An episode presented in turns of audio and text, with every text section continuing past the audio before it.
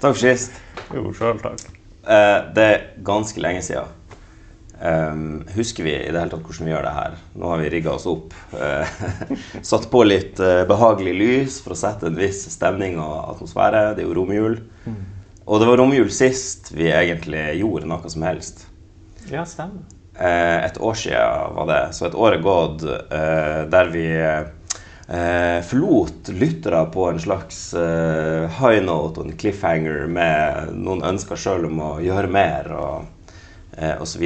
Og så er det noe sånn at eh, med familieliv og, og, ting som skjer eh, Jeg har jo også en ny arbeidsplass jeg har eh, beveget meg inn i og sett meg inn i et liv der, så tida går fort.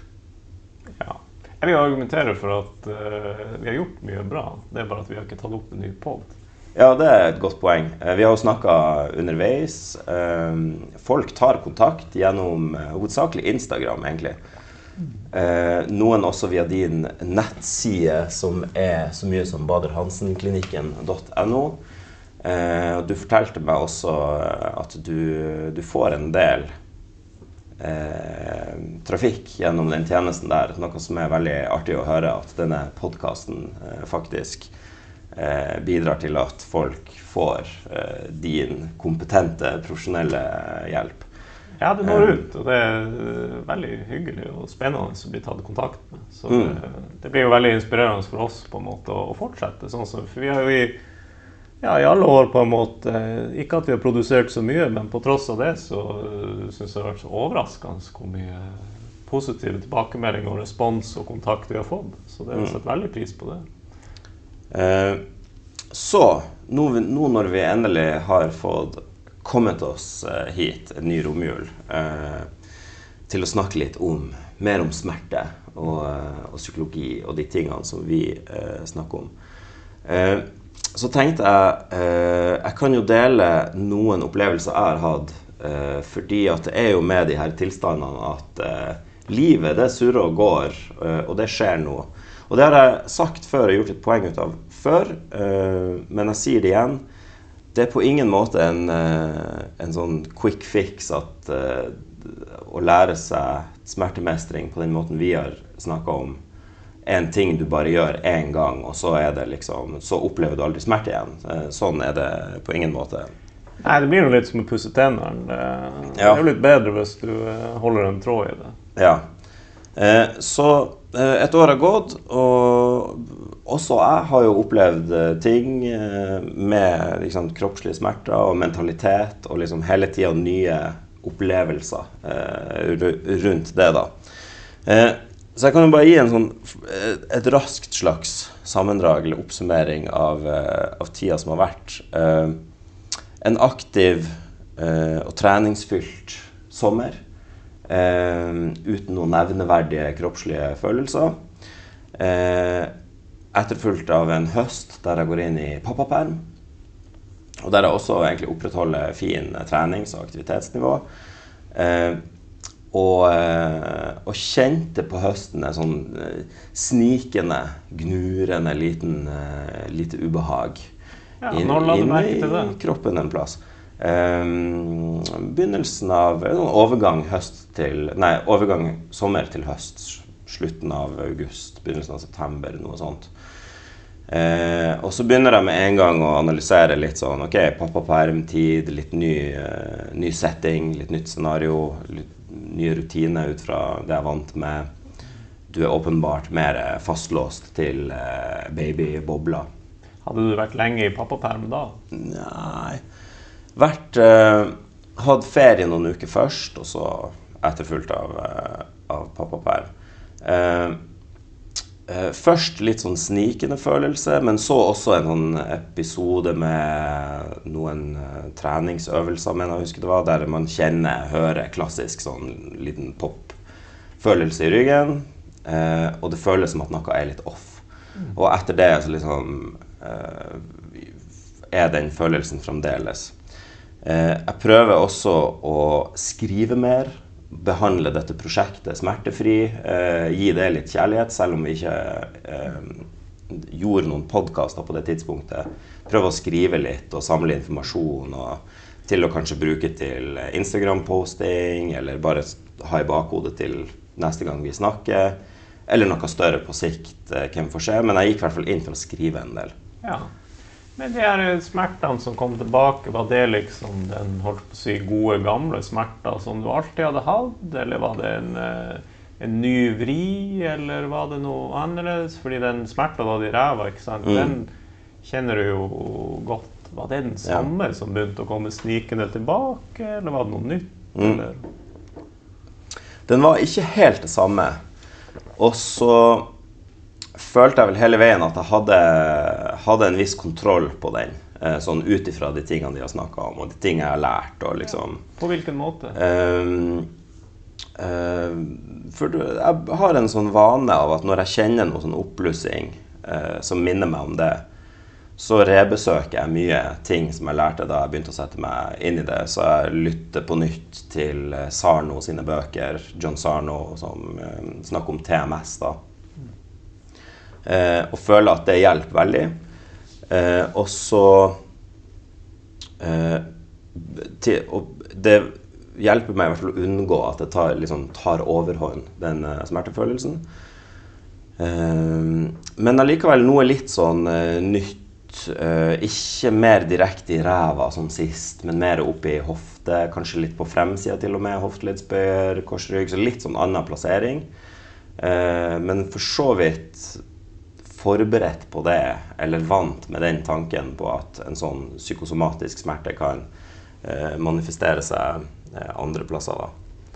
Eh, og så, etter noen uker med det, måneder kanskje, eh, så var det en ny treningsøkt der jeg spesielt eh, eh, merka at noe var litt off, men at jeg kjørte på gjennom det allikevel. Eh, og da merka jeg spesielt at ett bein var, virka mye svakere enn det andre beinet.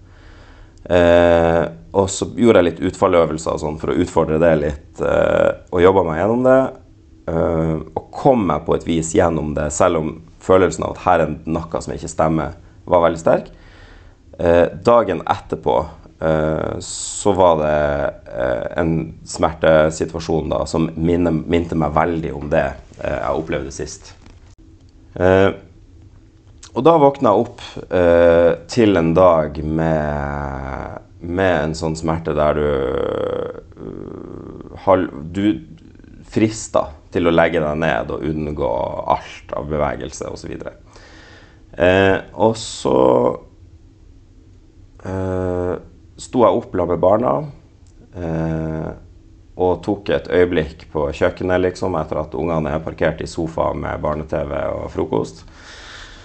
Eh, og tenkte Tok det en sånn øyeblikk i meg sjøl og tenkte OK, OK, ok, nå, nå er det fristende å bare glemme alt jeg har lært om eh, å møte smerte på denne måten. Eh, jeg tok vel en enkel smertestillende Paracet eller Ibux bare for å roe det verste.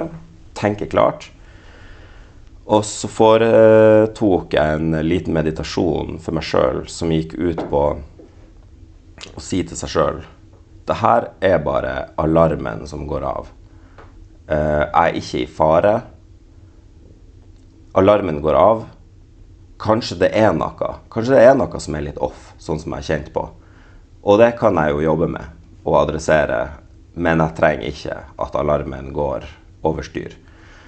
Så hele innstillinga mi var egentlig bare deskalere eh, situasjonen. Eh, igjen også til forskjell fra hva jeg gjorde eh, da sånne her smerteplager kom. Første gang så var det veldig eskalering. Å nei, hva er det her? Bekymring. Hva skal dette bety nå? Er det en ny type skade? Og liksom hele det mønsteret der. Jeg husker godt hvordan det spilte inn på og forsterka den samme smerten. Eh, så denne gangen var det en motsatt approach. Eh, som jeg bare gjentok og gjentok over to-tre dager eh, med å liksom ta en enkel dose smertestillende om morgenen.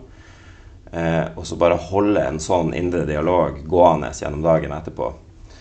Eh, og sant nok, etter to-tre dager så slapp den verste intense smertefølelsen. Eh, den styrkeforskjellen i beina, den svakheten i det ene beinet, den er der fremdeles, eller var der og er, er der enda litt, jobber med det. Eh, men den smerteopplevelsen ga eh, slipp. Og det syns jeg var en interessant aha-opplevelse og en slags bekreftelse på, på, på, at mye av det jeg har lært, og det vi har snakka om, fungerer. det funker. Man kan faktisk eh, snu hodet sitt og, og ta litt kontroll. Hvordan klarte du det, da? For det høres jo ut som det Tross at du visste og har masse erfaring nå i årevis med å være smertefri, så så høres det jo ut som du måtte jobbe gjennom en god del eh, Mm. tvil, eller hva vi skal si. Mm. Um, ja, det, fordi med smerten så kommer også I hvert fall når det er litt ny situasjon, bare litt nytt, så er det fristende eh, at tankene tar deg dit. Det er liksom At hjernen tar deg dit at dette er noe nytt som du ikke har opplevd før. Og, og dette er en skade som er verdt å bekymre seg for. Det kan være lett Jeg, kjenner en dragning mot å tenke sånn. Ja, Bli sausa inn i Ja. at det reguleres opp istedenfor ned. Eh, så hele knepet lå jo i det vi har snakka om, og sagt og preacha eh, for andre at eh, det er et knep, det er en viktig strategi. Ikke la det bekymre deg. Liksom, ikke la dette skremme deg mer enn nødvendig. Og eh, selvfølgelig, det kan være lettere sagt enn gjort. Kanskje man trenger et øyeblikk på liksom litt Puste ut litt, litt headspace. Eh, som jeg sier, det å ta en Paracet eh, Ikke med ideen om at dette skal jeg nå gå på i flere uker for å, for å cope med smerte, men mer sånn OK, det er smerte nå, det anerkjenner jeg.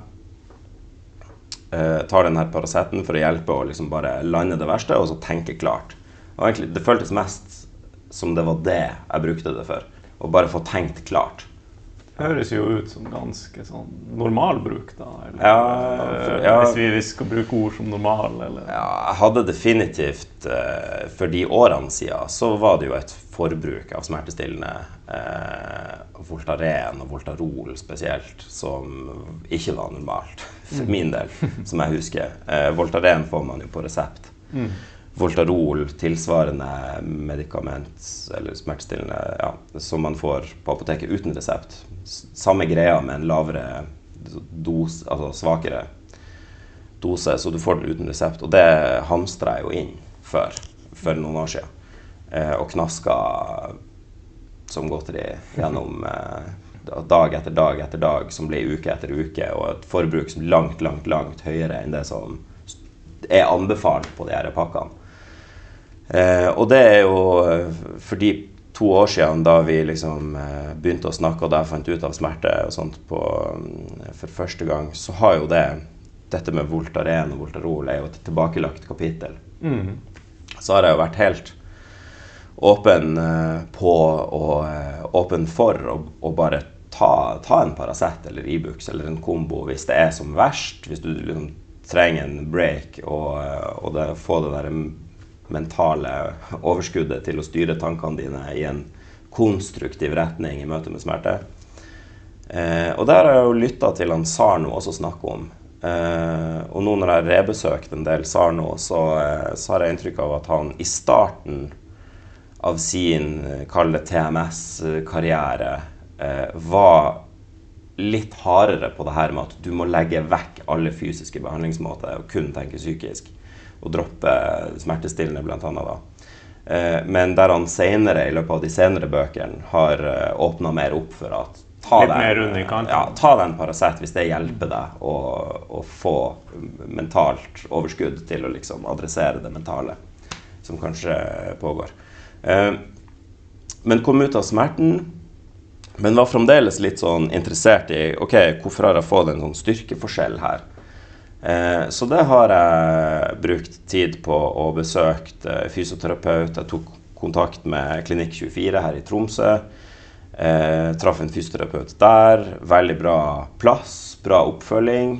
Eh, Shout-out til dem hvis noen derfra skulle høre. Så, så er det en bra setup de har med Du går inn og møter en fysioterapeut som tar deg rett ned i en sånn eh, eh, gym som er inkorporert i hele operasjonen deres, eh, og gjennomfører øvelser og ser deg gjennomføre øvelser, og dere snakker om det du ønsker å jobbe med. Eh, Så det har vært en veldig veldig bra opplevelse, og også noe jeg ville få med for å poengtere at selv om vi snakker om eh, mental innstilling og mindset og psykologi i møte med smerte, så, eh, så, er det ikke dermed sagt at liksom det å adressere det fysiske og jobbe det med det fysiske alt det eh, har, har sin plass. Det på ingen måte sånn at, uh, at vi er og sier at det ikke har verdi eller er nyttig eller nødvendig. Nei, det er fin, For det er en ting som folk kan utfordre deg på da, i familieselskapet når, du, når, de hører at du snakker om mentalitet og smerte. Da. Jo, for det blir jo veldig sånn polarisert. Mm. Det ene eller det andre, eller sort-hvitt og sånn. Og ja, det kan jeg nå si også, sånn i, av hva jeg har møtt. Noe, jeg har selvfølgelig møtt noen, øh, noen folk, noen pasienter i ulike steder jeg jobber, på en måte, hvor vi har jobba mm. kun isolert på en måte psykisk, for at kanskje den smerta er så tilknytta en eller flere opplevelser, enten noe som har skjedd, eller noe som pågår i livet, mm. at med å øh, ja, få funnet litt ut av det, da, ehm, så har på en måte de fysiske symptomene også blitt vekk i samme slengen. Mm. Men det er noe litt mer sånn ytterpunktet. Eh, de fleste har nå litt, eh, litt, av alt, kanskje. Mm. Sånn at man ikke liksom eh, ene og alene kan si at ja, du må jobbe psykologisk. Det, det, er en del andre ting du må jobbe også. Mm. For det Jeg syns det er ja, Det blir jo det ene ytterpunktet, at det er knytta sånn opplevelse. Men så har du jo noen som har f.eks. ekstrem bevegelsesfrykt. Mm -hmm. Si at du ikke Si at du er så redd for f.eks. nakken din eh, at du ikke tør å bevege den nesten på. Da vil den jo til slutt bli så stiv og vond at du ikke kan bevege den. Og, mm. og da kan du jobbe med bevegelsesfrykten, og, og det mm. også løse opp veldig mye, på en måte. Eh, men som regel ikke sant, så er det jo ikke så enkelt. Man har noe mm litt mer sånn intrikat eh, Ja, selv sånn som du sier, ikke sant, at her er det små uh, pappapermen med mm. små unger, og det er skriveprosjekt, og det er ny livssituasjon, og ditten datten. Det er som regel mange ting samtidig. Mm. Ja.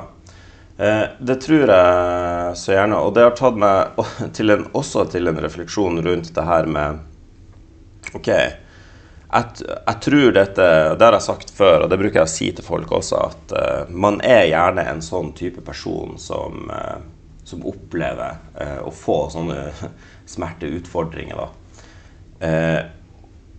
og reflektert litt rundt Ja, det, det, ligger nok i Det er noe som er latent i meg, at, at ting kan blusse ut i det liksom, Noe mentalt kan blusse ut en, og manifestere seg i noe fysisk et sted. Eh, og jeg, jeg, tenkte det veldig tidlig, og tenker det også nå, at eh, sånn skal jeg sikkert ha det resten av livet. Jeg må ha en viss sånn et visst mindset med meg eh, hele veien for å liksom ikke eh, falle i den samme smertegropa som jeg var for de årene siden. Da. Eh, og hvis man hører på SAR nå, eh, som vi nevner ofte, kan også nevne Indal i Norge, som er mm, sånn fysikalsk medisiner, er det rett ja. og ja. Eh, en ting jeg har hørt dem begge snakke om, eh, er visse personlighetstrekk og personlighetstyper som gjerne er litt predisposjonert ja, predisposed ja, ja. Eh, for, å, eh, for, å, oppleve sånne typer smerter som vi har snakka en del om. Eh, og da har jeg eh, tenkt mye å liksom få en sånn interesse for eller nysgjerrighet på det her med personlighet. da. Eh, Sarno og Indal nevner ofte eh, Det er gjerne de menneskene som er ja-personer, ønsker å hjelpe andre rundt seg, stille opp, har en høy grad av selvdisiplin, skal levere godt og mye på forskjellige fronter er pålitelig både i over, altså jobbsammenheng eh, og også overfor egne venner og familiekretser og sånn. Eh, legg, og ut fra alt dette her så bygges det kanskje litt press på en sjøl til å levere osv. Altså, og det ikke bare litt. Ja. Det er en ting jeg har hørt dem begge eh, være inne på, da, Sarno og, og Indal. Og, eh, så har jeg jo eh, litt sånn eh, bakgrunn Eller ikke bare litt. Jeg, åtte år var jeg leder i en festivalorganisasjon. Eh, Buktafestivalen i Tromsø. Først fem-seks år som produsent, og så to år som festivalsjef og med daglig ledelse og alt det. Og leda til enhver tid en veldig stor stab. Eh, så ut fra det så brukte jeg Eller ikke brukte, men jeg ble introdusert for litt sånn personlighetsteori eh, i forbindelse med motivasjon da, av, eh, av, stab og av en organisasjon. Eh, og dette med å lære seg å kjenne litt forskjellige personlighetstrekk. Også den mest åpenbare er den introvert-ekstrovert-greia, som liksom, med tid har blitt mer og mer nyttig, spesielt i en sånn ledelsessetting. Eh, men hvis vi bare Ok, hvis vi begynner litt sånn personlighet, bare eh, I et leksikon så er det definert som eh, de unike eh, De måtene personer varierer fra hverandre og har sine egne unike sammensetninger av egenskaper eh, osv. Nå prefraser jeg litt, men jeg så på det i går. Eh, jeg treffer sikkert bra nok. Eh, jeg tenker også på det som de mentale, kognitive egenskapene, preferansene eh, osv. Så, videre.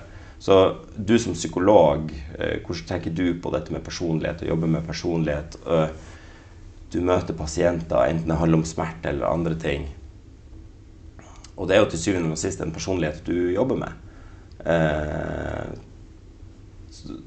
hva kommer til din liksom, overflate vi, hvis vi skal ta, se på personlighet her, og så etter hvert linke det opp mot smerte? Ja, for um, jeg vil jo ikke bruke så mye uh, det du på en måte kanskje finner i Det er jo masse personlighetstesting og, og sånn, men jeg tenker mm. for å, for å holde det litt mer sånn enkelt og, og matnyttig for folk flest, så, så, trenger man liksom ikke å hoppe inn i ja, hvor mye nevrotisisme har jeg, og, og hvor samvittighetsfull er jeg, og, og liten ditten datten sånn. Eh, det jeg syns er viktig å se på, er litt sånn Kan vi snakke mer sånn folkelig rundt det her med personlighet? Og, mm. og ha noen litt sånn enkle karakteristikker vi kan kjenne oss igjen i? Mm. Litt av det du drev og lista opp i stad.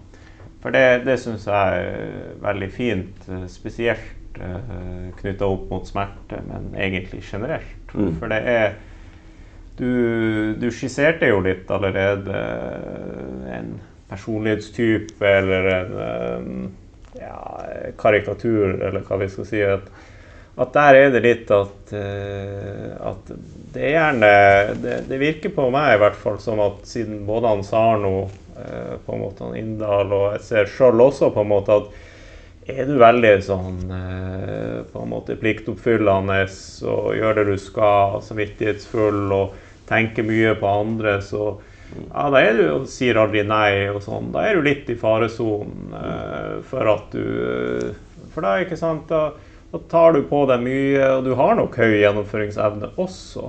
Mm. Uh, problemet er bare at du, du, sier jo aldri nei, og, og folk blir vant til at du er den sterke som, som kan hjelpe andre, alle andre og, og, har mye å gi. Og så mm. blir jo du også veldig vant til å være den. Sånn at eh, du blir jo ikke vant til å lytte til egne behov, og ingen andre rundt deg blir heller vant til at du har noen behov. Fordi du sier jo aldri nei, eller du åpner deg jo aldri om hvordan du har det. Og så, mm. så er det jo ikke farlig å, å, gjøre, å på en måte gjøre det av og til. Men når det begynner å bli ikke sant, måneder og år, mm. du holder på sånn, så mm. ja, skal, Hvis du da begynner å få et sånn eh, ja, smerteproblem eller utmattelsesproblem, og man mm. ikke finner, finner noen sånn klar eh, årsak til det, da, så, så, blir det jo veldig sånn påfallende hvordan man driver på. Da, og da kan man jo fint begynne å tenke veldig psykosomatisk. Så, mm. så det er nå én sånn. Eh, mm. Jeg har flere sånne. men... Eh, i hvilken grad uh, bruker det å være overraskende for folk uh, å innse, eller i hvilken grad innser folk sjøl at de kanskje er en uh, ja-person i langt større grad enn hva som er bra for en?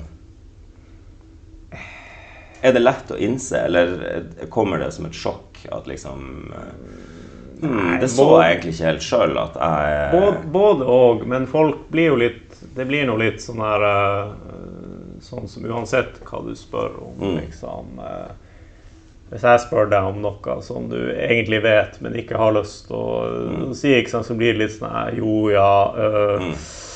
Ja, jeg ser jo det når du sier det, hvordan egentlig det, Jeg tenker vi har alle sånne ting, ikke sant. Mm. At uh, Hvis du hadde spurt meg liksom, når rydda du sist i boden, så Mm. hadde det liksom sånn Ja, jo, det begynner jo å bli en stund siden. Mm. At, uh, så det blir litt på den måten at vi, vi vet det, Mm. men vi ikke sant? Jeg gidder ikke å gå og rydde i boden, så jeg tilsidesetter det. Og så tilsidesetter jeg det. Og så på en måte, siden det ikke lager noen umiddelbare problemer for meg, Mm. så trenger jeg ikke å Eller så føler jeg ikke at jeg trenger å rydde opp i det. Men det er jo det samme med å være en sånn ja-person at inntil det smeller, eller inntil det begynner å bli veldig vanskelig å være deg, da, så, så har du ikke noe nødvendigvis noe inspirasjon eller motivasjon til å gjøre noen sånne store endringer. For det, du får jo også veldig mye positivt tilbake, og så er det jo en god verdi å Mm. stille opp for andre også. Så det Mm. er veldig vanskelig å begrense det her ikke sant? og begynne å si nei. Det er åpenbart en, eh, altså, noe man subjektivt må jobbe med å finne ut av hvor den balansen ligger på eh, hva til det blir for mye. Og, eh, og noen ting En ting noen innser etter hvert, er jo litt det her med at jeg må faktisk lære meg å si nei i større grad. Eller takke nei til ting, eller ikke ta på meg eh, ting. Og det ser man jo at det ligger jo en kunst i det, som gjerne kommer med noen år og det man kaller aldring og modning. ikke sant? Det er en del av en modningsprosess i en person. At eh, man kanskje ser det bedre og eh, står bedre i å ta noen valg. da, liksom, Nei. Eh, og jeg husker jo da smerteplagene kom for min del. sant, Alderen her eh, tenker jeg òg er litt sånn viktig. Sånn 25-årsalder eh, der man er eh, ung, fremadstormende, eh, på tur på en måte oppover i, i litt sånn karriereløp. Ja, Og går veldig inn for å si ja og ta på seg ting og ta på seg ansvar eh, for å komme seg videre. ja, nå skisserer du en kategori som er, på en måte er litt i samme gate, men det er gjerne en, en annen variant. da. Mm. Eh, for jeg, sånn overordna paraply på det her er litt å, å på en måte lære seg å si nei eller bli holdt litt i nakken. Ja. Eh, For det, det, det du skisserer der, er jo på en måte bare Det trenger ikke å ha noe sånn Og noen som har vansker for å si nei, Mm. den første kategorien vi snakker mer om, det kan være mer sånn Mm. Jeg har ikke lyst til å være en dårlig person og Mm. si nei. Litt satt på spissen, ikke sånn helt, men samvittighetskvaler med å si Mm. nei eller sånn. Og så har du på en måte det andre, du, gjerne litt Mm. yngre, ikke sant, sånn som du sier, hvor, hvor her er man på vei opp i, i livet, og man har masse gjennomføringsevne og sånn. og Mm. Det er ikke det at man får dårlig samvittighet eller noe sånt av å si nei, det er bare at man har lyst til å, Mm. å ta på seg så mye, for man klarer å få gjort mye. Men så plutselig smeller det. Ja. Og så er man ikke villig til å, Mm. til å kanskje anerkjenne at jeg tar på meg altfor mye. Mm. Og jeg, jeg blir gående fra grøft til grøft. Det er derfor jeg har vært syk av og på i et halvt år. Eller Ja. Liksom problemer med magen eller sånn. Ting begynner å gå varmt i systemet, men Mm. man, man tar på seg for mye. Så, Mm. så det er litt sånn annen variant. Mm.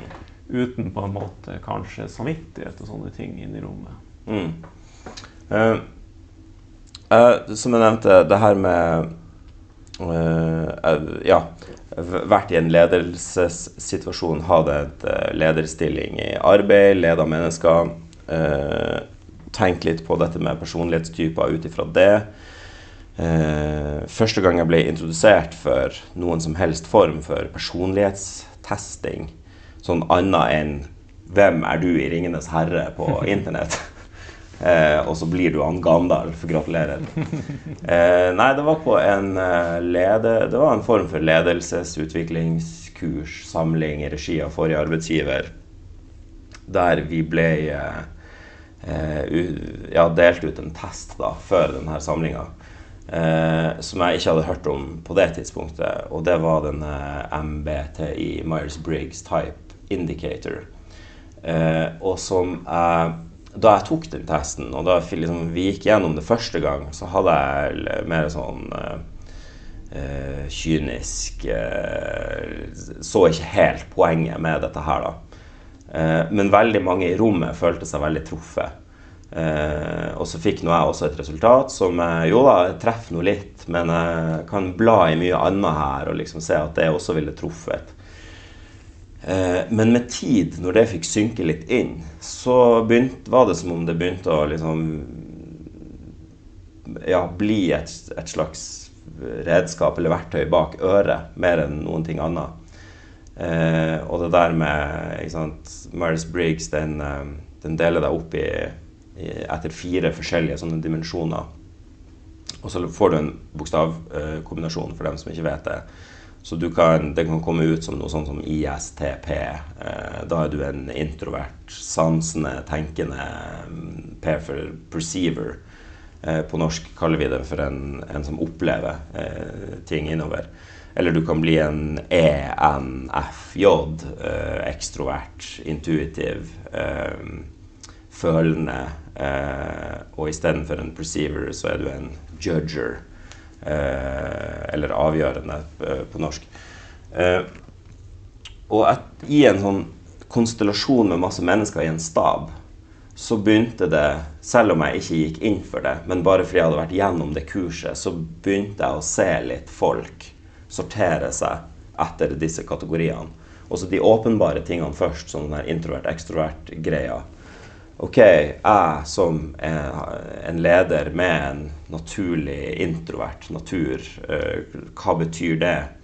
Jeg er helt komfortabel med å både ta ordet og være sammen med folk, men, eh, men, jeg kjenner at jeg må balansere ut liksom, i hvilken grad jeg eh, hente min energi og samle meg. Jeg, jeg, trenger å budsjettere inn noen øyeblikk i løpet av en hektisk periode med alenetid. Eh, det kan også bety at jeg trenger å eh, Noen ting det er jeg sterkere på hvis jeg kan ta én-til-én med mennesker enn i plenum, f.eks. Men også se det på andre. og liksom Når jeg lærer meg å kjenne at du, de, dem åpenbare ekstroverte personligheter, de tåler det fint at vi kan ta en diskusjon i en stor gruppe og i plenum. Eh, men hvis jeg vet at den og den introverte mennesket er i den samme, i den samme konstellasjonen, da, eh, så burde jeg følge dem opp etterpå med liksom, Er det noe du føler at du ikke fikk sagt i den, eh, det scenarioet der, f.eks.? Eh, og så videre på det her med sans og intuisjon, det her med tenkende og følende, og det er en sånn klassisk forskjell på eh, en tenker er en som tar avgjørelser litt mer basert på ja, tanker og logikk og liksom logiske eh, slutninger, mens en føler er en som kanskje prioriterer mer medmenneskelige forhold og liksom harmoni i større grad. Eh, og så, når jeg begynte å se det litt mer på andre, og så bli litt bedre kjent med i meg sjøl hvordan mine ting er og preferanser, Eh, så begynte det å bli et veldig veldig godt verktøy i en ledelsessituasjon. Og så er jeg veldig klar over at det der er sånne ting man skal ta med en klype salt. sånne type tester. Eh, men jeg følte også at jeg så en veldig stor eh, verdi i det. Enn du som psykolog. Jeg regner jo ikke med altså, Jeg vil jo ikke tro at du sitter og Myers-Briggs-tester pasienter, men, men sånn som jeg legger det frem, høres det ut som det har noe for seg. da, Kanskje også en sånn psykologisk sammenheng. Jo, jeg syns det, det, er helt etter boka. Det er, jo inne, det er jo sånn som du er inne på, at det er et, eh, det er et verktøy. sånn at det kommer jo an på mm. settingen av, mm. av, hva man driver på med. Og, og, jeg tenker jo litt sånn at uh, det er veldig fint å vite litt uh, en ting eller to. Og, men man trenger ikke nødvendigvis å gjøre sånn dypdykk i personlighetspsykologien. Det, det mm. holder på en måte å å, holde seg litt til de her eh, Sånn som Myers Briggs her, som har de her fine overkategoriene. At de fleste har nå på en måte kjennskap til introvert-ekstrovert, men mm. litt mer på en måte om folk er mer sånn tenkende eller følelsene. Mm. Og de her, det, det, kan jo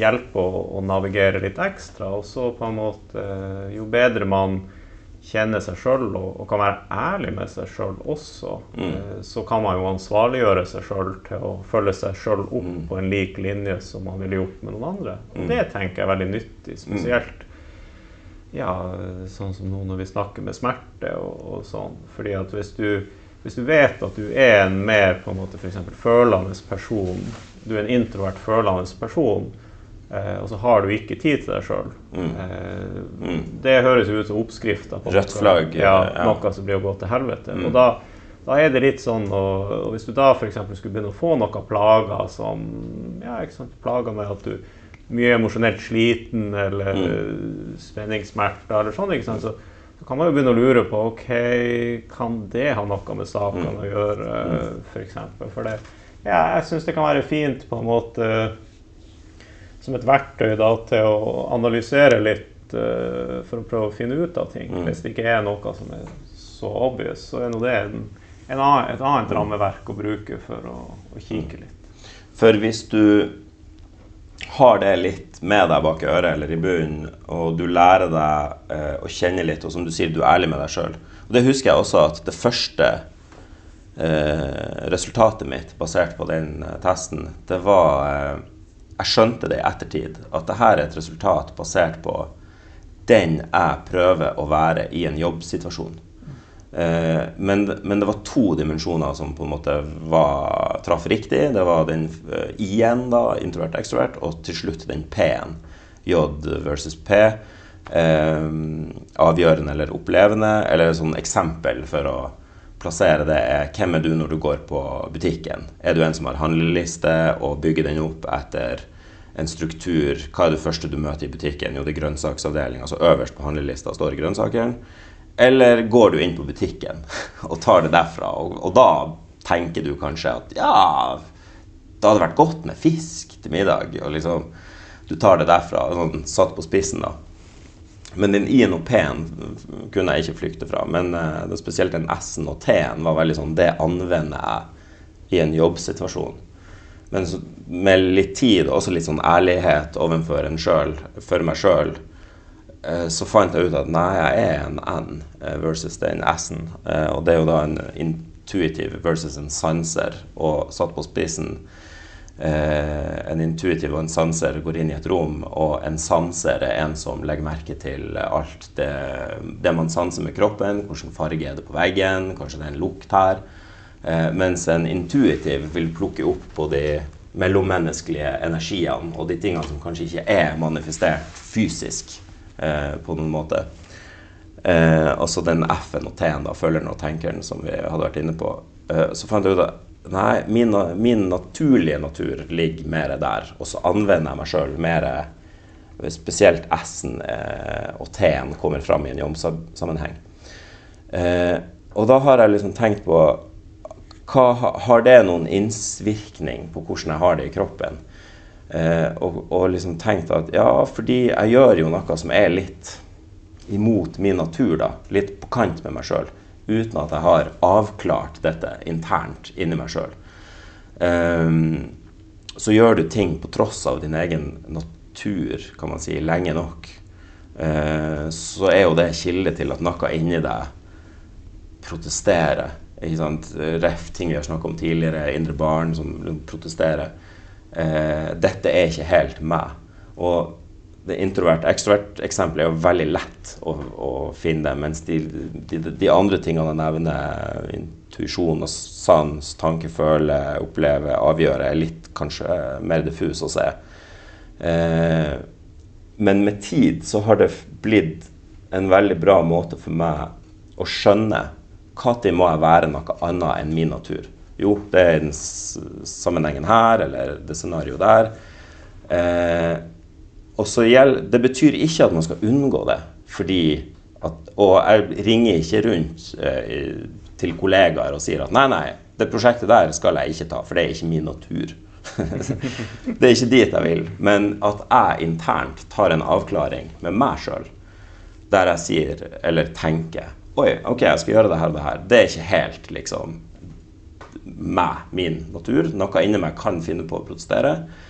Men det kommer til å gå over, det kommer til å gå bra, og kanskje i andre enden av det her så finner vi en måte å liksom hente inn eh, og gi rom til det som er, naturen, er naturlig for meg. da, Enten det er alenetid for å gi det introverte noe, eller kanskje det å jobbe kreativt med et prosjekt for eh, Altså et eget prosjekt eh, for det intuitive sin del, ikke sant, osv. Eh, jeg kan også bare, hvis jeg nevner sånne kreative prosjekter en moro aha-opplevelse som jeg mest av alt hadde da, i sammenligning med meg og min samboer, det var eh, Jeg så på henne og tenkte bare Du er sånn en S. Du er liksom en sanser. Eh, og det kom litt ut fra på hvilken måte vi er kreative. Eh, og hun er veldig sånn som tar sin kreativitet eh, inn i noe veldig fysisk og veldig konkret eh, og ekte, da strikke og liksom ordne ting i huset som er veldig fysisk. Mens min, min kreativitet er mye mer abstrakt og diffus. Og liksom jeg tenker på et prosjekt som på ingen måte fins fysisk. Men så liksom handler det om å jobbe med å liksom, ja, manifestere. manifestere det fysiske. Enten det er det, liksom det podkastprosjektet her, liksom, snakke med en psykolog om smerte og liksom Eh, skrive om ideer rundt det, eller eh, i eh, har jo spilt en del i band osv., som du vet. går man og gnurer, liksom, tenker på en låt, du har en låtidé, så fins jo ikke den noen plass fysisk. Men du må liksom Du tenker den frem. Så det er sånn sans versus intuitive, da. men i hvert fall Være oppmerksom på når du gjør ting utenfor din natur. Det betyr ikke at du skal unngå ting som ikke er i din natur, men heller ta en sånn intern avklaring på at OK, det er kanskje ikke helt det min preferanse er akkurat nå, men eh, det kan jeg jobbe rundt på en sånn og sånn måte. Jeg kan til og med gi meg sjøl en form for um, Kall det belønning da, i den andre enden. For å mate den sida av meg som trenger den næringa, for å si det sånn. Ja, jeg syns det er fint å si at uh, når man for det her blir litt sånn Det er jo under uh, kategorien egne behov da, å bli klar over det. Og da, hvis man har et litt sånn rammeverk med å, å forstå seg sjøl uh, eh, ut ifra ja, de bokstavene, da det, det er nå ett rammeverk. Man, man, kan ha flere, og det er ikke sånn at man må bruke noe profesjonelt. Men så kan man jo se litt sånn OK, sånn som du sier, nå kommer det et prosjekt eller noe på jobben eller ditt eller datt eller eh, ja, et eller annet på fritida som man vet man må være en del av, som, som går litt på tross med mm. de her tingene som passer. Så, så, da blir det på en måte litt ekstra viktig å enten ja, belønne eller gjøre, måte, gjøre, det mer spiselig for seg sjøl, og, og, kanskje være litt ekstra oppmerksom på da at eh, kanskje blir man litt mer sliten da, eller mm. enn på en måte snittet ville bli, fordi at det her er liksom Det her er kryptonitten din, liksom. Mm. Mm. Uh, en uh, annen morsom ting om MBTI-testen uh, er noe jeg hørte på Lex Friedman sin podkast. Mm. For dem som kjenner til den, for dem som ikke gjør det, så er det bare å søke på Lex Friedman på YouTube, så finner du masse bra. En veldig bra podkast med mye spennende gjester. I høst et sted, eller i sommer, så hadde han en gjest som heter så mye som Andrew Bustamante, tror jeg det var tidligere CIA-agent. Eh, og de kom inn på gjennom en samtale om hvordan de rekrutterer eh, folk til da, CIA spesielt. Um, eh, og at de brukte personlighetstester. Eh, og der han eh, Bustamante da snakka om eh, bl.a. den MBTI-testen. Og han hevda at enhver spionorganisasjon i verden som eh, ja, tar seg sjøl seriøst, bruker MBTI, eh, og også den andre Big Five, aktivt.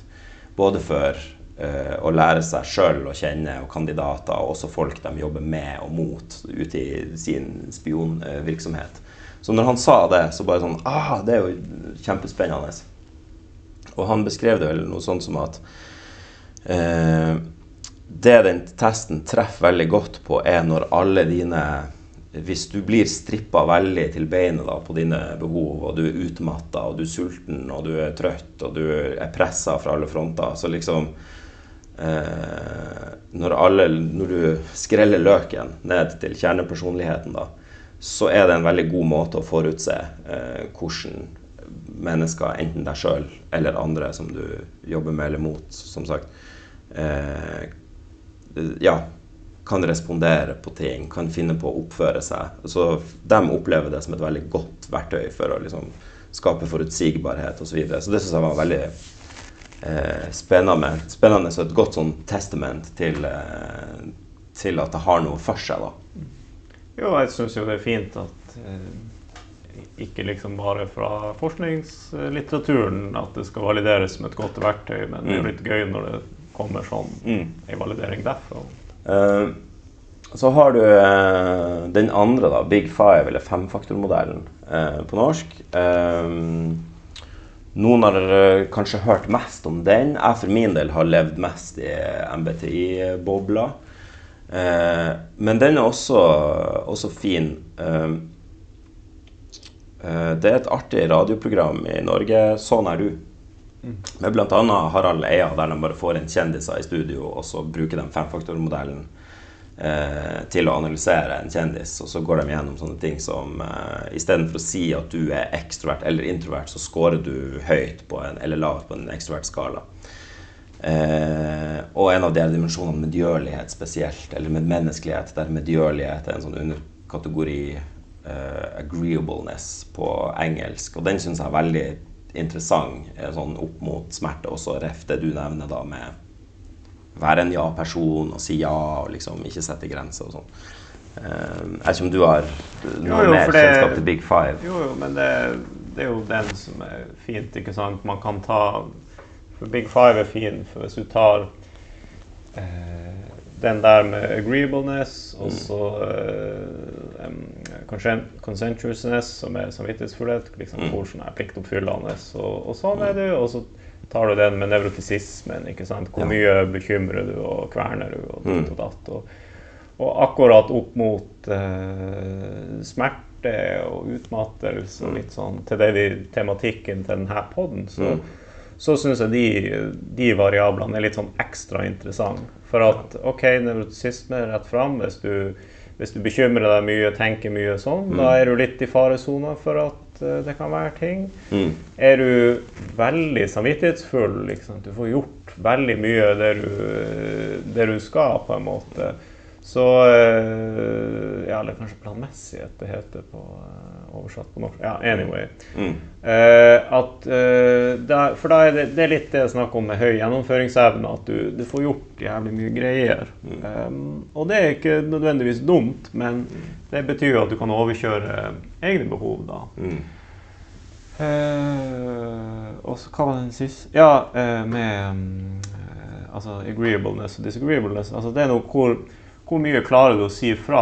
Hvis du er veldig agreeable, så sliter du med å, å si nei eller si fra. Hvis du er veldig disagreeable, så koster det ikke en krone å, å på en måte krangle med. Så det ligger jo litt i ordet, ordet liksom. Er du agreeable eller disagreeable? Mm.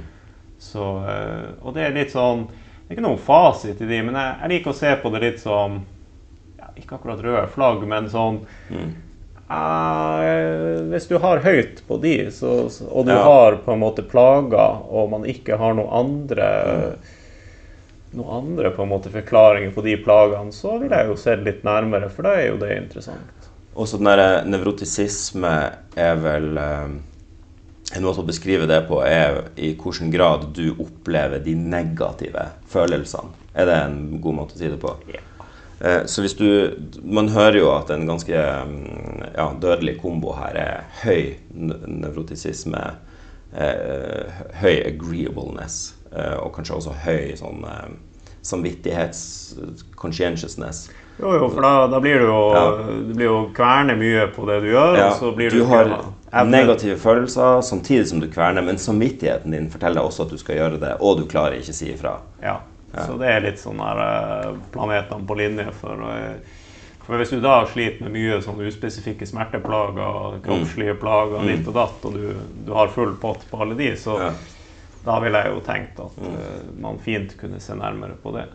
Så man kan bruke litt forskjellige verktøy. Man kan ta, kanskje ta noen tester, man kan gå litt inn i seg sjøl. Man kan eh, finne ut hva som skrives eller sies på internett eh, om dette her. Men og så sitter man der da med en, eh, som en person, med en personlighet, og med noen tester som kanskje også hjelper deg å peke ut noen ting. I hvilken grad kan man endre sin personlighet? En, altså Eh, gjør man det naturlig over tid? Er man den man er? Er man litt dømt til, til å være den man er, med sine preferanser og, ja. og trekk? Eh, når du som psykolog møter noen som kanskje står overfor åpenbare liksom, endringer eh, man skal jobbe med, som på en eller annen måte ja, går inn på personlighet, eller utfordrer da eh, en persons iboende eh, liksom, foretrukne måter å gjøre ting på. Eh, handler det om å bare angripe atferd og på sikt dra personligheten med seg, eller, eller endrer man personlighet? Ja, Går det i det hele tatt an å endre seg som person hvis man hører at man Her er jo alle røde flagg. altså Min nevrotisisme og alt det andre står på rekke og rad her. Og jeg ser jo en sammenheng på hvorfor det til slutt fører til sykdom eller smerte i kroppen. Men hvordan kan jeg jobbe med å adressere det? Nei, fordi øh, øh, du, kan jo, du kan jo endre på en del ting. Men mm. så blir det jo litt sånn Kanskje den beste måten å svare på om det går an å endre på eller ikke, er jo hvordan definerer du personlighet. Og da sant, ramler mm. du inn i et stort Men for sånn som den med han Bustamante, det er jo at der er jo tanken at sant, hvis du skreller vekk alt, så skal du sitte igjen med et eller annet mm. eh, som er stabilt eh, over tid. da. Mm. Eh, men så kan du jo si at det som måles av eh, Big Five, er jo, er jo litt mer sånn eh, hva skal jeg si, åpne kategorier som du kan jobbe med. Eh, at du på en måte At du på en måte er en, en en sånn, en sånn, mer sånn følende type kan du jo Du kan kanskje jobbe litt med det, men, men på en måte sånn som å si nei, f.eks. agreeableness, det kan du jo det kan du jobbe med. Hvis du er motivert for det, så, så kan du jo jobbe med, med det. Trenger, det er ikke sånn at du nødvendigvis blir å like det, men du. Du, du, kan komme en vei med det. på en måte. Og, og, det her med å jobbe med hvordan du håndterer negative følelser, hvor mye du bekymrer deg, og nevrotisismen og sånn, det, ja, du har nå i hvert fall et startpunkt. Og eh, jeg syns det er viktig å ikke sånn eh, si at det ikke går an å endre på noe. Eh, fordi at det, det, er mange ting det går an å endre på, så er spørsmålet hvor mye. Mm. For hvis du sier fra starten av at det går ikke an å endre på, mm. eh, da har du riktignok rett da også. Så du har rett på en måte uansett om du sier at du kan endre på det eller ikke. Mm. Fordi at det blir jo din sannhet. Nei, jeg bare er sånn, jeg kan ikke endre på det. Eh, da, da kommer jo ingen vei. ikke sant? Diskusjon over. Ja. Hva handler det mest om? Er det sånn at det handler mest om å endre på noe? Endre på ting? Enten det er i atferd eller omgivelser? Eller handler det mest om å faktisk endre på den man er, og noen ting man tenker og føler? Mm, nå snakker vi så generelt og mm. så abstrakt at vi må snevre det inn mer eh, mm. til noe. Ta det som å si nei. Mm. Eh, det er litt mer sånn konkret, i hvert fall. Mm. Det, da må jo du finne litt ut uh, hva er det som skjer i deg. Mm. Hvorfor, hva er det som er så ubehagelig med å si nei? Mm. Og for mange så kan du jo bare tilnærme deg litt som en fobi, f.eks. At, mm.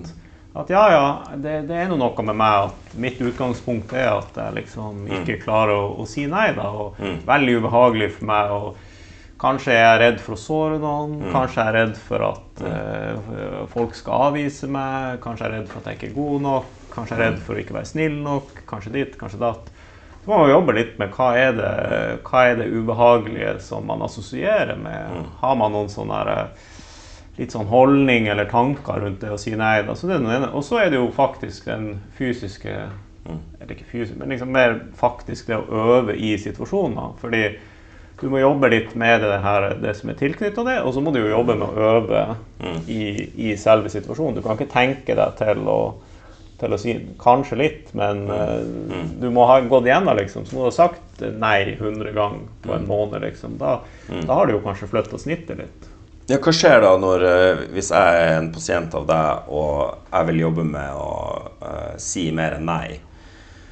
Eh, jeg føler at jeg tar på meg for mye, eller ender opp med å ta på meg ting jeg ikke har lyst til, eller bli involvert i ting jeg ikke har lyst til. Eh, jeg er ferdig med en session med deg, jeg skal gå ut og møte verden. Er det med en eh, hjemmelekse om at ja, nå, nå skal du si nei en gang om dagen til noe? Er det, altså, hva er en sånn framgangsmåte, eller Ja, måte det- å tenke på i møte med verden? da? Oss, Det blir, det blir noe sånn, fordi at uh, vi, Da må vi jo bli enige om, om på en måte som, som regel har jo folk noe ting de kan si nei til. Mm. For at Grunnen til at man vil øve på å si nei til noe, Mm. er jo nettopp fordi at man begynner å kjenne at det er for mye. Mm. Sånn at det er noe ting å øve på å si nei til, men da, da er det litt i retning av det. Og så både det og faktiske situasjonene hvor du sier nei til folk, enten det er på melding eller telefon eller i virkeligheten, Mm. men også jobbe med de, din interne opplevelse. For det er liksom, hvorfor er det vanskelig for deg å si nei? Hva er det det gjør med deg? Mm. Den andre personen hører jo bare et nei, og så greit. Mm. Men hvorfor, hva er det liksom, hva er det som skjer inni deg, liksom? Mm. Det, ta for eksempel, når vi, siden, Hvis du sammenligner det med en fobi, så blir det mye enklere. For det, ikke sant, Si at du har flyskrekk. Det er jo en fobisk reaksjon. Så da eh, ja, Jeg vet ikke hva Folk flest syns vel det er greit å fly, eller noe sånt. Så, så hvorfor er det så vanskelig for deg? Jo, ikke sant, og så pirker man noe ut at man finner ut at ja, det er noe både ubehagelig å være i det flyet, men så har man noen sånne tanker, holdninger eller uh, kanskje dårlige opplevelser eller et eller annet sånt man må jobbe litt med. Så det, det blir liksom de ting. Og du, du kan knytte det samme til å, å si nei. Kanskje er det liksom det at uh, ja, man har hatt noen dårlige opplevelser med å si nei. Kanskje man bare aldri har gjort det og bare er utrent i det. Kanskje tenker man at man er en dårlig person hvis man sier nei for mye, at man ikke hjelper andre nok, for man vil være en god person. Det, det å jobbe litt med hva er det liksom som er drivkraften litt for, øh, for å si nei. Trenger ikke å være noe, men det, ofte er det gjerne noe. Sånn at du, du kommer liksom ingen vei hvis du ikke eh, jobber med de tingene, i tillegg til at du øver på å si nei. Det blir litt som å putte noen med flyskrekk inn i et fly. Vi klarer alltid å putte deg inn i flyet. Det blir ikke noe hyggelig for deg. Og med mindre du er liksom eh, frivillig motivert til å jobbe med grunnen til at du frykter flyet, eh, så vil jo ikke, det, ikke sant? Vi kan jo hive deg inn i ti flyturer på rad. Det vil jo være ufattelig ubehagelig for deg. Du vil jo ikke få noe ut av det, fordi at hvis ikke du er villig til å jobbe med hvorfor det er vanskelig for deg å fly.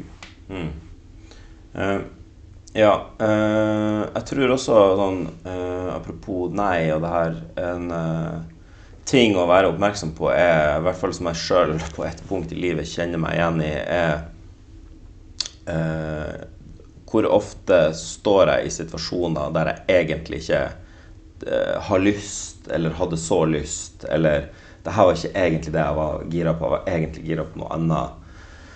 Eh, og så ser man kanskje at det gjelder her, og så gjelder det også der, og så gjelder det kanskje også en til plass, og så begynner du å se at ja, men hvorfor ble det sånn? Jo, det er fordi til den invitasjonen så bare sa jeg ja, litt sånn utenom eh, For å være hyggelig. tenking. Ja, og så begynner man å spørre seg selv hvorfor gjorde jeg det, da? Var det for å være hyggelig? Var det fordi det var hyggelig av dem å invitere meg, så da er det hyggelig å svare ja? Er det for å vise at man stiller opp? Er det for å vise at man eh, Spesielt i, liksom, i min forrige jobb der, som festivalsjef i Bukta, handla om liksom, Det var en mye større hva skal man si, vektlegging av en eh, tilstedeværelse og presence da, i et eh, miljø rundt det. Eh, gjør jeg dette for å leve opp til visse ideer om hvem jeg er og min rolle osv. Eh, og så de spørsmålene der, eh, bruke dem til å navigere litt ut eh, ja, hvilke ting er verdt å si ja til. Og, så liksom, eh, og for min del så begynner jeg å se et sånn budsjett. At liksom i løpet av en måned, ei uke, en dag, så har jeg et slags budsjett som er sånn og sånn. Og hvis det er fylt opp, eh, så må jeg enten bytte noe. Hvis det kommer en ny invitasjon, så må jeg enten si på en front at OK, eh, takk, men eh, det kom noe annet som jeg må være med på. Eller jeg bare sier nei. Og det er sånn- også en fin sånn modningstrekk når man egentlig ikke føler presset på å forklare for mye heller. Det tror jeg mange kjenner seg igjen i. At det ikke er nok å si nei. Du må liksom ha masse gode grunner og en unnskyldning, og gjerne noe eksternt du kan skylde på. Liksom, og det og det var sånn og sånn, så derfor må jeg dessverre si nei. Det er en god observasjon. Men heller finne ja, styrke og mot i seg sjøl til å bare si at Hei, det var hyggelig, takk, men jeg står over, eller ja. Men det kan jeg si med en gang at, at det, det er veldig vanlig at det er slik. Men siden vi nå hadde et tenkt eksempel om å jobbe med å si nei, da, Mm. da er det eh, essensielt å øve på akkurat det du sier der. Mm. Fordi at hvis du hele tida har en unnskyldning, så har du ikke fått øvd på å Din grunn Nei. til å si nei. Ja. Og det, det, og det er det som er For at hvis det Nei, jeg kunne ikke fordi ditt og datt og Ja. la, la, la. Så da øver du Da må du ikke stå inne, som du sier, for din grunn. For deg. Mm. Nei, det passer ikke for meg. Mm. Altså uten å forklare noe mer. Mm. At nei, jeg prioriterer annerledes. Mm. For hvis ikke så utfordrer du ikke sannsynligvis Ja. det som har drevet deg til å ikke si nei. Ja. Jeg har en, eh, jeg hadde en liten indre reise med akkurat det der, og jeg ser det veldig veldig godt i mange ting, egentlig, og i andre. Eh, Men øvelsen er Det er en god øvelse i å prøve å bare si nei. Punktum. Ja. Eh, Selvfølgelig kan det gjøres Det også gjøres hyggelig og med takknemlighet for en invitasjon eller hva det måtte være, men, eh, men nei takk. Sånn. Eh, om, om disse tingene er personlighet, om å si nei, om å øve seg på det, da, liksom, da er vi også inne på endring. Jeg vet at det også er stort og generelt, hvis jeg bare sier endring, liksom, men ut ifra litt personlighet. Men jeg regner jo også med at du som psykolog du møter mye du, du sammen med pasienter står overfor mye til endring. ikke sant? Er eh, hvis jeg er din pasient og kommer og, og prater med deg, så, så er det jo gjerne fordi det er ting her jeg skulle hatt uh, endra. Og så har man jo hørt om sånne ting som endrings... eh, eh, altså livsstilsendringer og sånne ting. Eh, så å jobbe med endring Vi var litt inne på det i stad før vi kom hit, før vi begynte å podde. Men, eh, men det her med verdien av små trekk og eh, en ting av gangen, møte opp til den lille tingen du jobber med av gangen. Eh, så enten det handler om personligheten din eller andre ting i tillegg, eller utenfor din personlighet eh, Noen måter å jobbe med endring da, som også kan være verdt å ha med seg. Spesielt hvis du kjenner deg igjen i de tingene vi snakker om smerte, og du skjønner at enten det er internt i min personlighet eller i livet rundt meg, så er det kanskje noen ting som må endre seg for å finne forløsning i smertesituasjonen. da. Ja, det, det første jeg bruker å påpeke i sånn ofte, er jo gjerne at uh, hvor lenge har det, Mm. Har det du har lyst til å endre, hvor lenge har det vært slik? Og det har nå som regel vært slik en god stund. Ja. Og da er det jo litt eh, fint at det har vært slik en god stund, fordi da kan vi jo si at ja, da vet vi jo at eh, da har vi tre måneder eller seks måneder eller kanskje enda mer eh, med data. da liksom at OK, det du gjør nå, har du gjort så lenge høvelig stabilt, så da vet vi jo at eh, det gir deg ganske stabilt det resultatet du har nå. Mm. Sånn at eh, ja, hvis noe skal endre seg, da, da er vi jo nødt til på en måte å endre på noe i tilstrekkelig grad fra slik du gjør nå. For hvis ikke så blir det jo sannsynligvis bare å ende opp med det samme resultatet som du har nå. For det er det du har fått mens du har gjort de her tingene og levd på den og den måten så og så lenge. sånn at hva, hva er det vi må gjøre annerledes, og hvor mye også, kanskje? liksom. Det kan jo være åpenbart eh, man prater med noen, og så kan det være åpenbart at oi, her er det mye som eh, burde endres. Men for eh, den personen sjøl, individet og den organismen man er, så vet vi jo at å endre spesielt mye på en gang er veldig veldig vanskelig. Og eh? Vonde vaner er vonde å vende. Eh, at det som er vanene våre, det er som en sånn innebygd eh, et innebygd kart vi liksom følger eh, mentalt og fysisk nesten uten å tenke over det ofte. Så derfor er det vondt å vende på eh, sine vaner. Eh, men istedenfor å angripe eh, alt på en gang, hvordan Hvis man tenker sjøl at ah, jeg har et liv jeg er ikke fornøyd med, alt skulle gjerne vært endra. Hvordan er, finner man frem til hva som er et bra, lite sted å starte? Nei, jeg syns det er fint å starte med de enkle tingene. På en måte ja, Fysisk aktivitet, kosthold, søvn. Mm. De her forholdene til folk du har både nært og mer perifert rundt deg. Mm. Og kan du ja, Hvordan ser de her tingene ut, og kan du på en måte gjøre noe som er ja, litt bedre eller litt nærmere den endringa du ønsker deg på de her planene. Litt sånn som vi snakka om før poden. Uh, da snakka vi om noen at ja, men møte opp, så OK. Øve seg på å møte opp. Ja, Kan jeg øve meg på Hvis jeg ikke er utenfor døra, kan jeg øve meg på å være utenfor døra? Det trenger ikke bety at jeg skal dra og trene, men kan jeg øve på å bare mm. gjøre meg klar til å gå med en tur? Ja. Eh, bare for å uh, touche inn på det, hvis uh, for dem som um, hører og tenker Hva var det nå de snakka om før poden? Men det var i hvert fall uh, litt sånn i samtaler med folk som har tatt kontakt og sånn via Smertefri. og en ting jeg har merka meg ofte, er at veldig mange har en veldig stor idé om hva som må til for å jobbe med tankene sine på den måten vi snakker om i møte med smerte. Men også overført til andre ting, som at eh, hei, jeg skulle gjerne kommet meg i gang med eh, å rydde opp i kosthold. Eller jeg skulle gjerne brukt mer altså Jeg hører dere snakke om eh, det kognitive, de mentale teknikkene, og at meditasjon er en styrke i forhold til det. Jeg skulle gjerne lært meg å meditere, men liksom, hvordan begynner man med det? Og så merker jeg at veldig mange har en stor idé om hva det er for noe. Og den store ideen gjør det vanskelig og uoppnåelig. Eh, vi tar meditasjon, da. Da ser man for seg klisjeen av det man har sett på film. Man skal sitte ved et fossefall i skogen i en time. Og, eh, og liksom Altså, det innebærer noe du ser for deg at det er vanskelig å gå og gjennomføre. Eh, og at det skal ta lang tid, og at du må liksom virkelig perfeksjonere eh, situasjonen rundt det da, for at det skal være verdt å gjøre. Uh, og så har jeg snakka med flere og flere om at ja, men det er egentlig Altså, du kan bokstavelig talt meditere i ett sekund. Uh, en meditasjon kan være ti sekunder. Det kan være ett åndedrag.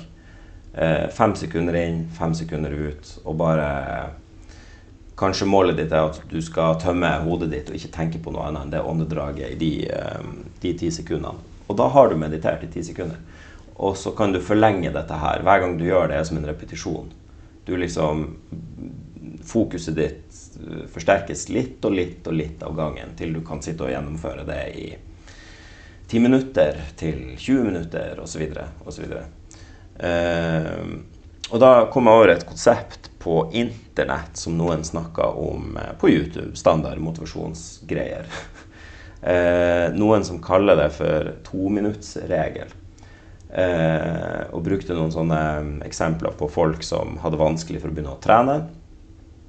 Hvorfor har de vanskelig for å begynne å trene? Jo, fordi det er ikke vanen din i utgangspunktet å gå og trene. Det er ikke, det er ikke i vanemønsteret ditt eh, og i de banene som du går dag til dag eh, gjennom livet.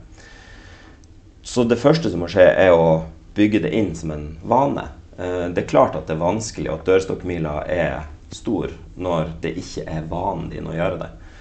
Hvordan kan man bygge det inn som en vane? Jo, ved å møte opp over tid, hver gang. Eh, hvordan kan man gjøre det uten at det blir overveldende? Jo, fokuser på det oppmøtet, og gjør det du hadde tenkt å gjøre, så lite som to minutter. Eh, du trenger ikke være på gymmen i en time. Bare dra dit og snu i døra, hvis det var det.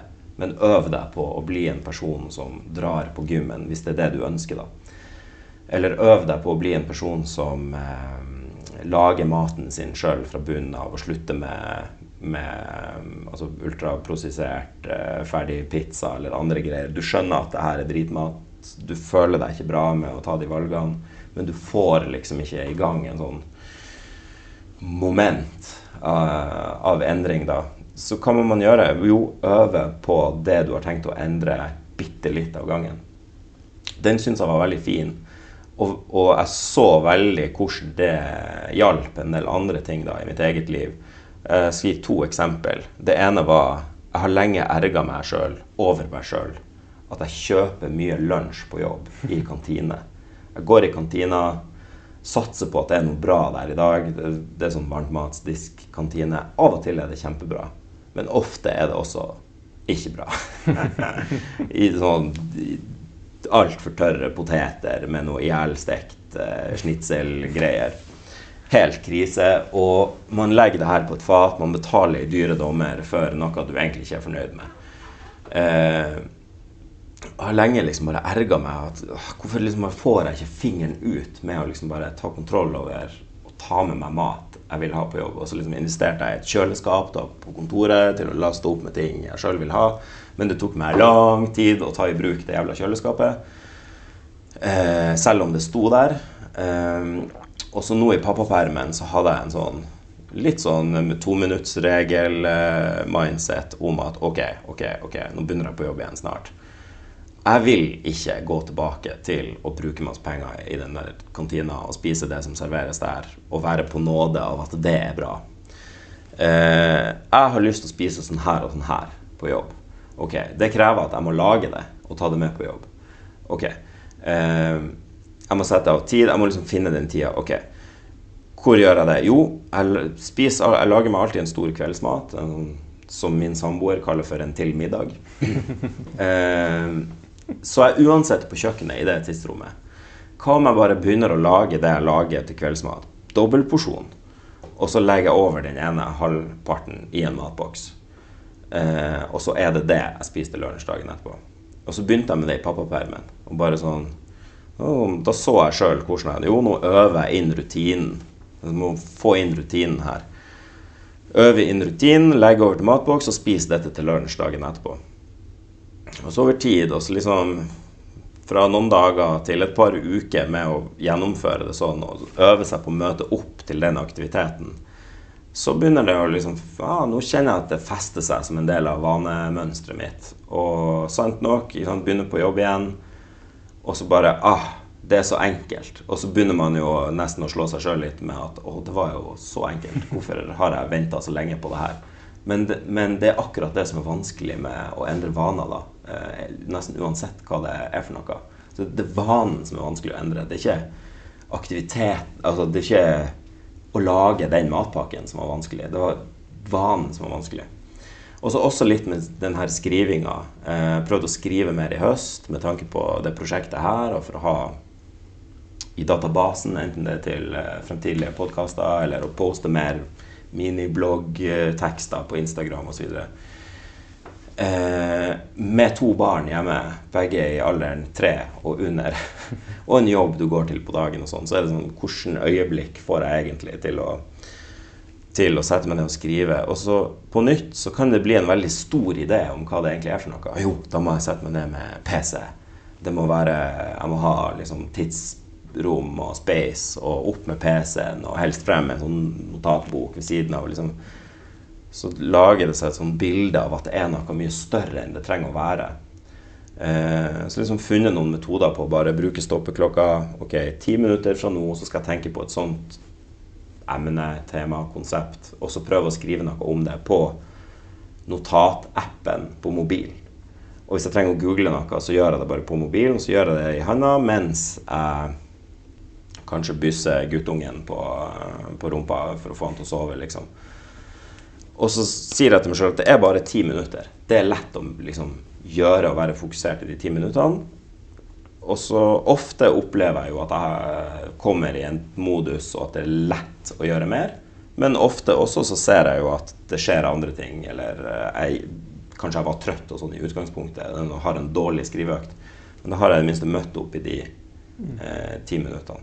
Så det var, ja, det var det vi snakka om før på den. Og så hadde du noen eksempler også ut ifra eh, Nei, og så Ja, for det, det, er jo det Hvorfor alle fatter jo at man må øve på eh, ja, Hvis jeg og du skulle på en måte begynne å spille tennis så Mm. eh, Vi hadde jo ikke meldt oss opp på en kamp som den første tingen vi gjorde. Vi må jo øve og, og liksom kunne spille før vi, eh, før vi tør å gjøre noe sånt. Mm.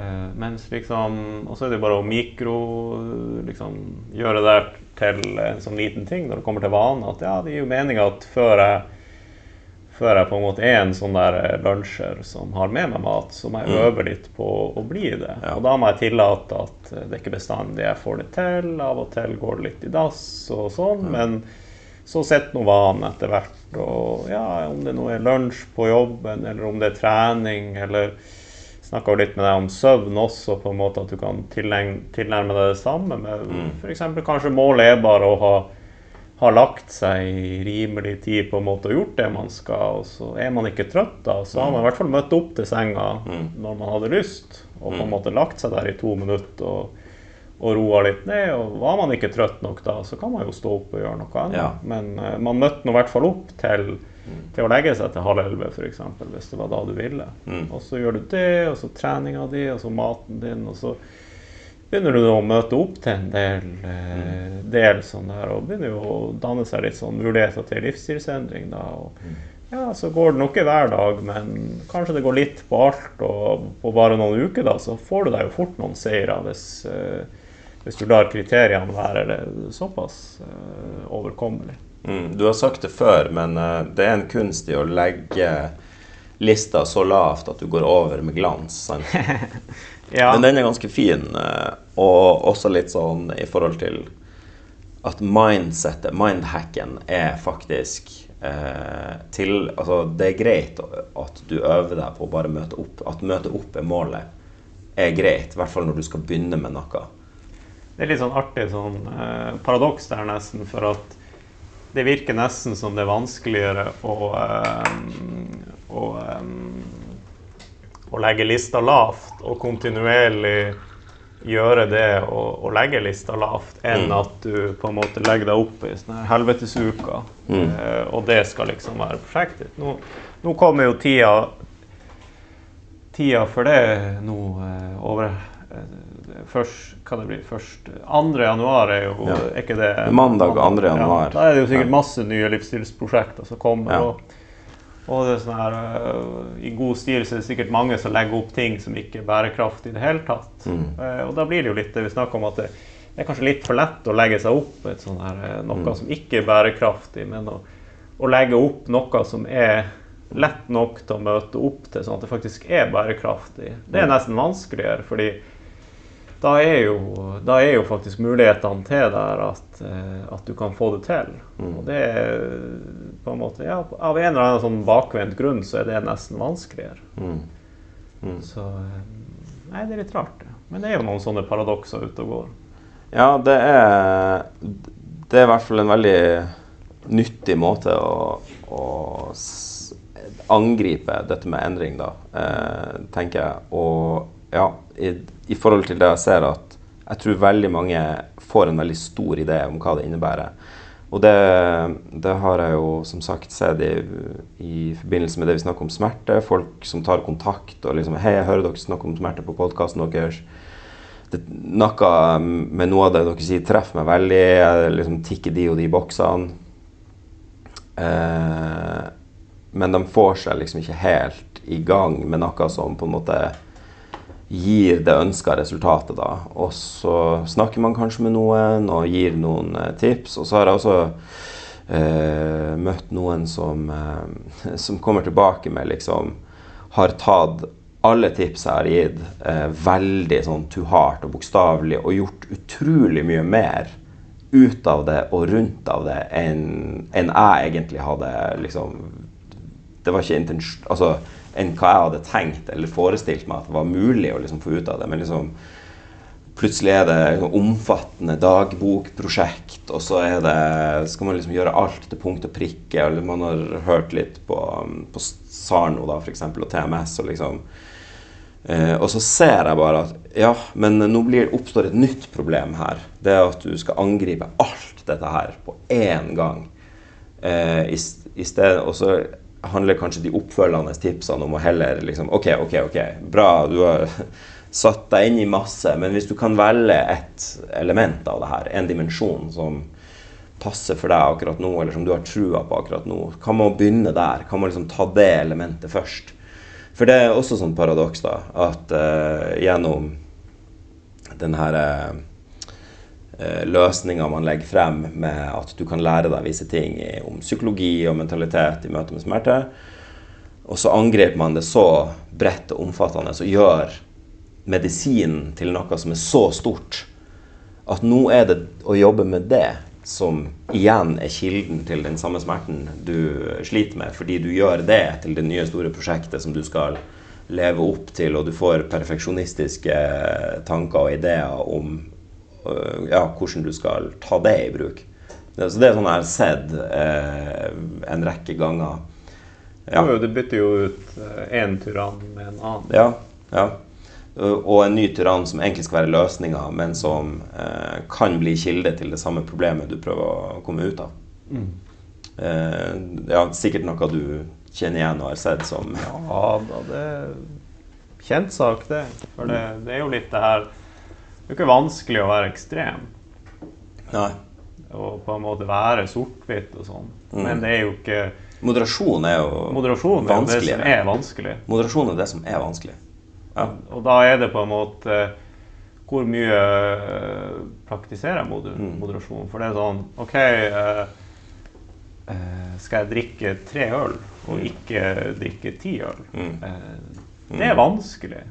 Det er mye enklere å bare sånn fri bar. ikke sant? Mm. Drikke, liksom, enten drikke ti øl eller null øl. Mm. Men den der moderasjonen av å ja av å kunne ta seg noen, for da må du øve litt på å nyte det. og liksom At du sitter litt i det her. Ja. Konfronterer litt den her følelsen av at du, du på en måte har lyst til å drikke mer, eh, eller på en måte ja, øve på ja, det, det, tenker er mye mer å øve på hvis du skal praktisere moderasjon. Mm.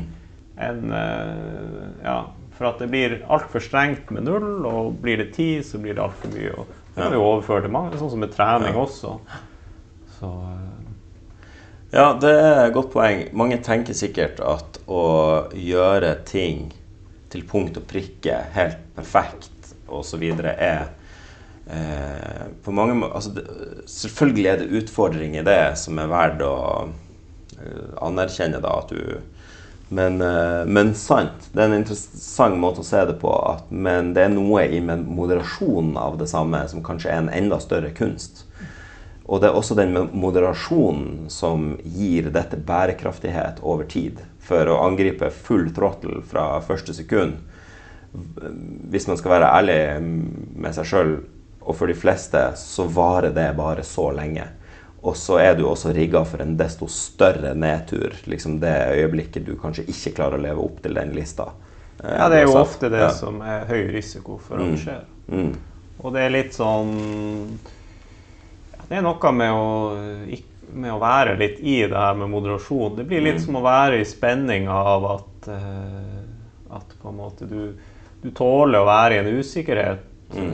Rundt noe. Sånn som hvis vi knytter det opp mot den her eh, smerta di, da, på en måte mm. at du, du, kunne jo på en måte eh, gått helt panikk, eller du kunne gått helt sånn der mm. Ja, nå skal jeg ordne det, og nå mm. skal jeg Litt av det å praktisere moderasjon er jo å tåle å være litt i at uh, Ja, jeg vet ikke helt hva det her er, men jeg, jeg forholder meg sånn rolig nok men jeg, jeg tar nå litt smertestillende. Så mm. trenger ikke å være helt sånn sort-hvitt på det. Og, og, det å holde seg midt, litt sånn mm. i der, det, det, krever mer enn at du ikke sant, Det hadde sånn sett vært enklere å mm. enten gått helt sånn der Nei, jeg skal ikke gjøre noe, og nå skal jeg være helt sånn psykologisk betinga. Eller motsatt, og bare kaste i så masse smertestillende og tvilen, slik du beskrev. Så. Det, det, jeg kjenner meg veldig igjen i måten du sier det på nå i, i, hva jeg gikk gjennom nå sist. da. Um, og litt sånn her at jeg avklarte med meg sjøl at det er en tid for Eller at jeg tar meg tid til litt av de forskjellige reaksjonene uh, som kommer her. Uh, og at det blusser opp en liten bekymring rundt Oi, hva er det det her betyr? Uh, og så husker jeg jo ja, eh, mitt forrige meg, eh, som hadde smerter, lot bekymringa ta veldig stor plass over han. Eh, men så handla det heller ikke om å Det var ikke det at jeg skulle slå det helt vekk, liksom, men heller si til meg sjøl at ok, ja, kanskje akkurat nå så kan jeg tillate meg å liksom kjenne på at det var litt bummer å få den, det her nå, bli litt bekymra. OK, Men jeg kan ikke la det vare hele dagen. Så liksom, det er et øyeblikk for å la det få sin plass, og så er det et øyeblikk for å la det neste få sin plass, som kanskje skal være litt mer sånn Eh, proaktiv og konstruktiv eh, tenking om hvordan jeg skal adressere dette her. Men heller ikke liksom eh, obsesse på det heller. Eh, det er også tid for å legge det helt vekk. Og det er det, en av de tingene Indal er veldig god på å snakke om. Liksom, eh, hvis du leser den boka hans 'Når ryggen krangler', og liksom intervjuer han har stilt opp i, så sier han jo titt og ofte at noe av det beste du kan gjøre for ryggen din, det er å hygge deg gjør noe hyggelig. Liksom, legg bort bekymring for hva det er for noe, og heller liksom gi litt energi til noe som gir deg litt glede i hverdagen. Eh, og det kjenner jeg meg veldig igjen fra den, eh, den, runden jeg var gjennom for nå blir det jo to pluss år sia. Eh, og de syv-åtte årene for der igjen. Eh, at det ble så lite tid til å bare hygge seg med tilværelsen fordi du hele tida liksom går og gnurer på å finne dette svaret som skal ta meg tilbake til den jeg var før alt det her. Før den smerten kom og ødela for treningsprogresjon og for de aktivitetene jeg ville gjøre. og liksom Alt handla om å liksom bare Det her er en sånn road bump som er her nå, som jeg må liksom bare løse. Eh, og så glemte jeg å liksom ta blikket litt til at av og til la det bare være og fokusere på noe annet. Og så kan det være litt tid for å jobbe med det, og så kan det være litt tid for å bekymre seg for det, og så kan det være litt tid for å bare glemme det og fokusere på noe annet. Um, ja, så Det siste du sa, det minner meg litt om en sånn måte. Ja, det er jo veldig god oppsummering. for det. det du kan jo ikke slutte å tenke på noe med mm. å fortsette å tenke på det. Og, da mm. blir det jo at, og det er jo det som er en veldig sånn ting jeg møter mye, at, mm. at folk er så innsausa i akkurat det der. Men man mm. ser det ikke. For man er man er liksom, som du sier, det er en sånn uh, det er en sånn fartsdump som bare skal jevnes ut, sånn at jeg kan gå tilbake til meg og mitt ja. og, og, fortsette å ture på. Det, liksom bare, det her skal bare fikses. Ja. Så det, men så, så, er det ikke sånn det funker. Uh, det, det, innebærer at man må, må, tenke litt på en annen måte og, og, ha fokus på en del andre ting. Og ofte gjerne roe litt ned eller lytte litt til en del egne behov. Mm. Og det du kan ikke tvinge fram det på samme måte, fordi du, du er nødt til å endre på noe med det du gjør. Ja. Eh, du, du, kan ikke få fortsette å, å, ha det fokuset, sånn som du sier, ikke sant? at man er helt sånn obsessed med å finne svaret. Selv om det er helt normalt og, og på en måte naturlig å ende der som regel når man blir desperat av smerter. Mm. Men så, så, er det veldig vanskelig å se at ja, men jeg må jo Eh, jeg må jo liksom, litt sånn som du sier, jeg må gjøre noe mer hyggelig. Jeg må mm. få fokus vekk litt mer. Mm. Jeg må endre på ting hvordan snø. Hvis ikke så, så, holder man jo ved like det man gjør, med å holde mm. det, den mm. overskrifta så stor. Mm. Ja. Uh, jeg ser på klokka her at vi eh, nærmer oss avrundingstid, men jeg hadde en tanke om det siste du sa der, i hvert fall. Kanskje det blir en cliffhanger? Vi har jo fått dekt mye bra her. Ja, eh, I tråd med det som bruker å være ønskene, så er det jo at eh, det skal være litt sånn praktisk retta, håndgripelige ting mm. å, å, agere litt ja. på. Det syns jeg vi har, eh, ja, har gitt i eh, dag. Det, enten det gjelder skriving og prøve å publisere mer eh, på Instagram eh, har egentlig funnet ut at det er en, en god øvelse å liksom Instagram er en god øvelse i å skrive ting eh, litt kortfatta og to the point. Um, så prøv å Om ikke Vi håper jo på mer pod. Jeg tror vi skal gå litt mer, legge lista litt lavere enn eh, det vi gjorde sist gang vi prata. vi slet litt med å leve opp til det, men, men uh, et sånn mantra jeg har hatt hele veien, uansett om jeg skriver noe og publiserer på, på Instagram, eller det vi snakker om på denne poden her, det er å finne meg sjøl for ti år sia. Jeg, liksom, jeg, tenker hele tida at det innholdet her i Smertefri skal treffe meg sjøl og den jeg var for ti år siden. Eh, da jeg var i midten av 20-årene eh, og nettopp hadde fått smerteplager som forstyrra hele den liksom, progresjonen og selvbildet og liksom alt det der eh, på den tida. Eh, og hvis jeg i den alderen kunne liksom funnet noe i form av en podkast eller en Instagram-profil eller tekster eller hva som helst som hadde fått hodet mitt litt på andre tanker, eh, så hadde det vært en kjempegave. Altså, det var en gave at jeg fant det til slutt. Men det er litt sånn ideen at oi, nå, nå fant jeg en løsning for meg Eh, jeg skylder det til det samme universet som har gitt meg den løsninga, og liksom eh, bringe det videre.